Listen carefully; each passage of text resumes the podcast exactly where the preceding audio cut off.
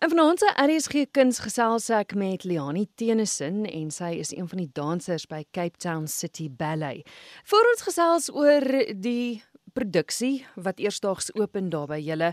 Vinnig gou eers julle was verlede jaar tydens Covid nogals vir 'n lang ruk toe gewees waar julle nie elke dag kon kon oefen en dans nie. Hoe hou mens jou jou liggaam fiks en gesond want dit is tog waarmee jy jy kuns pleeg? Ja, dit was 'n interessante tyd gewees. Ek dink soos dit maar vir almal was. En jy moet redelik kreatief raak in die tipe goed wat jy kan doen. Um, dis dan wanneer ons noem dit cross training belangrik raak om pilates te doen en cardio te doen en um, so 'n bietjie gewigte training te doen en so aan. Maar op die einde van die dag is daar niks wat vir ballet gaan help behalwe ballet nie. So dit is nogal uitdagend en jy kan agterkom dan as jy terugkom na 'n lang tyd dat die lyf so 'n bietjie agterstand. maar gelukkig is spiere wonderlik en hulle onthou vinnig weer wat hulle alles moet doen. So ja, mens probeer maar die beste maak daarvan. Wel julle is nou terug op die verhoog. Julle het darem 'n hele paar geleenthede gehad om hierdie jaar te kon dans. Nou sluit julle die jaar af met 'n baie interessante produksie, Alchemy 3 Dances. So dis drie verskillende koreograwe, drie verskillende werke en dis nogals uiteenlopend. Ja, ehm um, dit is ek is baie opgewonde vir die produksie. Ehm um, ek dink die gehoor gaan dit verskriklik baie geniet.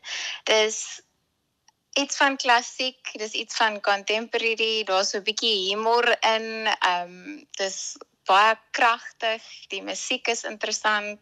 So daar's regtig iets vir almal en die oefenproses was ehm um, het my regtig vir opgewonde gemaak om dit op die verhoog te sit.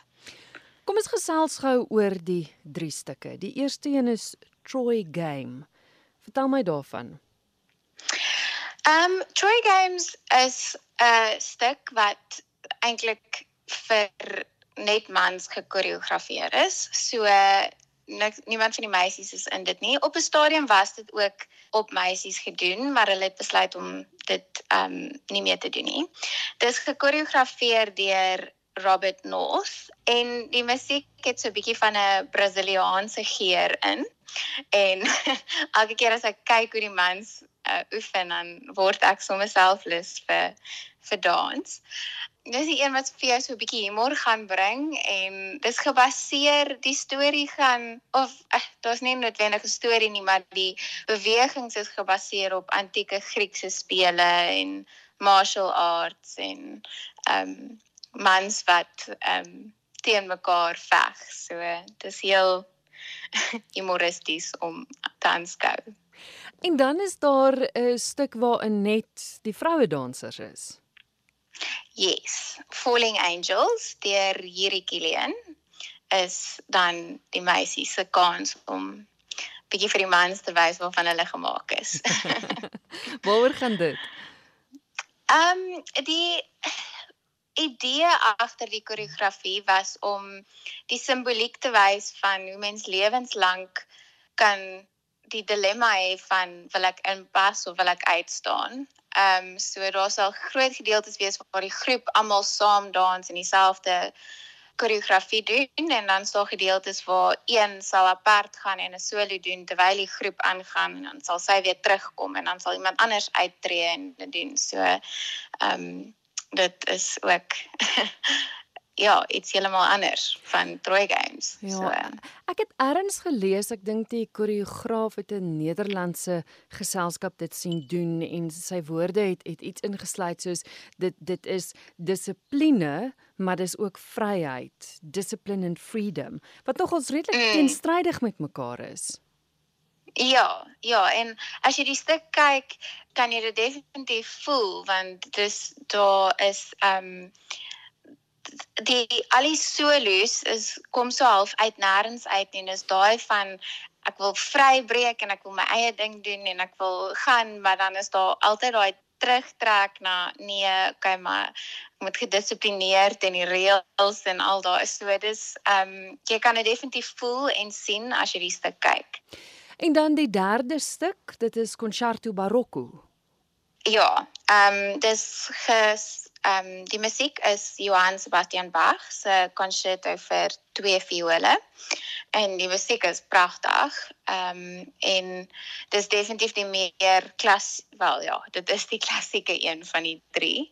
Ehm um, so dit gaan vir jou iets heeltemal anders gee om ook na te kyk en te waardeer.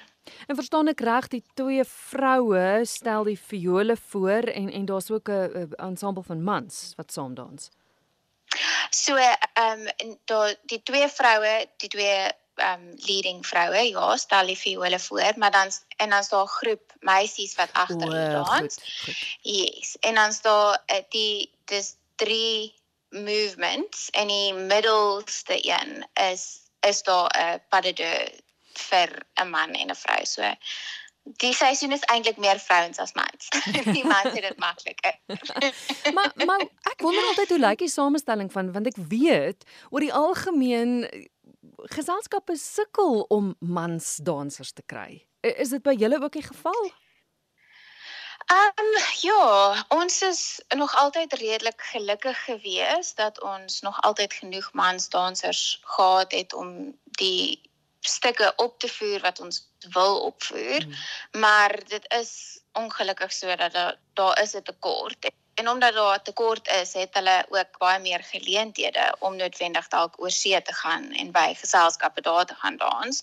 Ehm um, so ja, die kompetisie vir hulle is baie minder en die geleenthede baie meer. So om die dansers te kry wat alles kan doen, ehm um, veral mansdansers is is moeilik.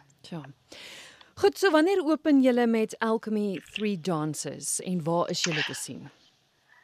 Ons begin die 6de November met ons optredes by die Artscape Opera House en ons gaan van die 6de November tot die 13de toe optree.